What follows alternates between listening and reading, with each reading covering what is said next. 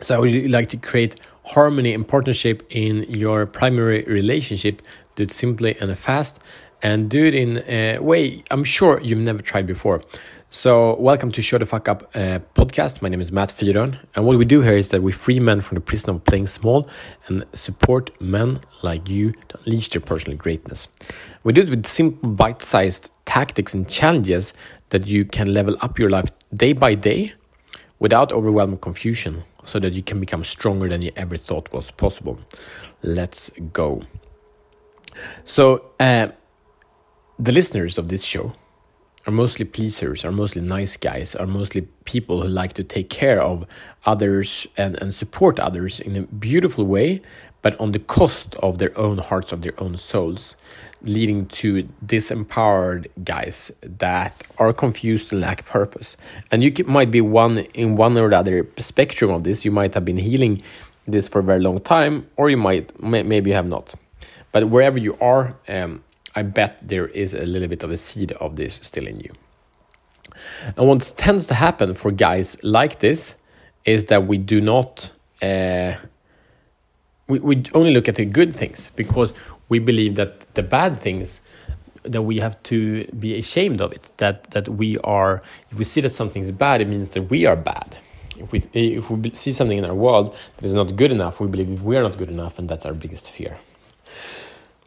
So I've been in, in uh, two, three conversations only today with amazing, extraordinary guys who had a lot of uh, that was hidden and denied, and they lost huge amount of power in their inability to recognize the shit. So my invitation to you here is to, with your dearest ones, really share your shit. And this is a scary thing. But the thing is that what happens with with with nice guys.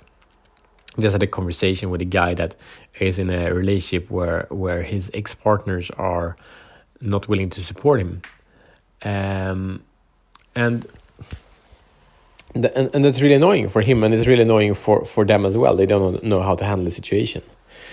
Uh, I just another conversation with another great man, and and in his uh, love relationship, he's always the one like saying, "Oh, it's good, it's fine, we'll work it out," and being this positive guy, and his partner is the one that's always negative.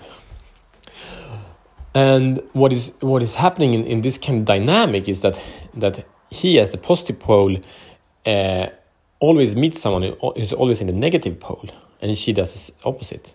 And it's ha what happens then is that we have two parts, two persons that does not feel seen that constantly need to fight, constantly need to be a struggle to convince that, hey, look, see my perspective. He says, look, here's the positive perspective. Look, here we can figure it out. Look, there is a way. You have to fight really hard for this. And the more he speaks, the more frustrated she becomes, and she has to fight even harder. Say, no, look at the negative. Look, it's actually really tough. Look, this actually sucks. So instead of feeling seen and recognized, that would be super simple, super easy. Actually, they fight and become opponents.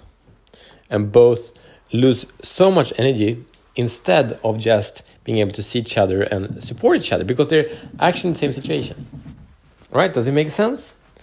So the, the transformation here as nice guys, as caretakers, as providers, they're doing things in a beautiful way. What what most tends to happen is that we see kind of the good things. So I invite you to do the very opposite. And I, I think it is that to share the shit because you're doing work on yourself. You're, you're here, so you're doing work on yourself. So I invite you to share the shit, the things that frustrate you. You don't need to do it as a victim. You don't need to do it in a needy way, but just to recognize that you see things that are challenging in your life. And what that will do to your partner is to make them release someone that, like, okay, I don't need to be the one that's always showing that things are not perfect. And, and they can become the positive pole. And this can transform the dynamic of you I don't invite you to always be the negative pole. I, I invite the best powerful places to be the neutral pole where things are. They are just facts. And we take to make decisions upon those facts and we take actions.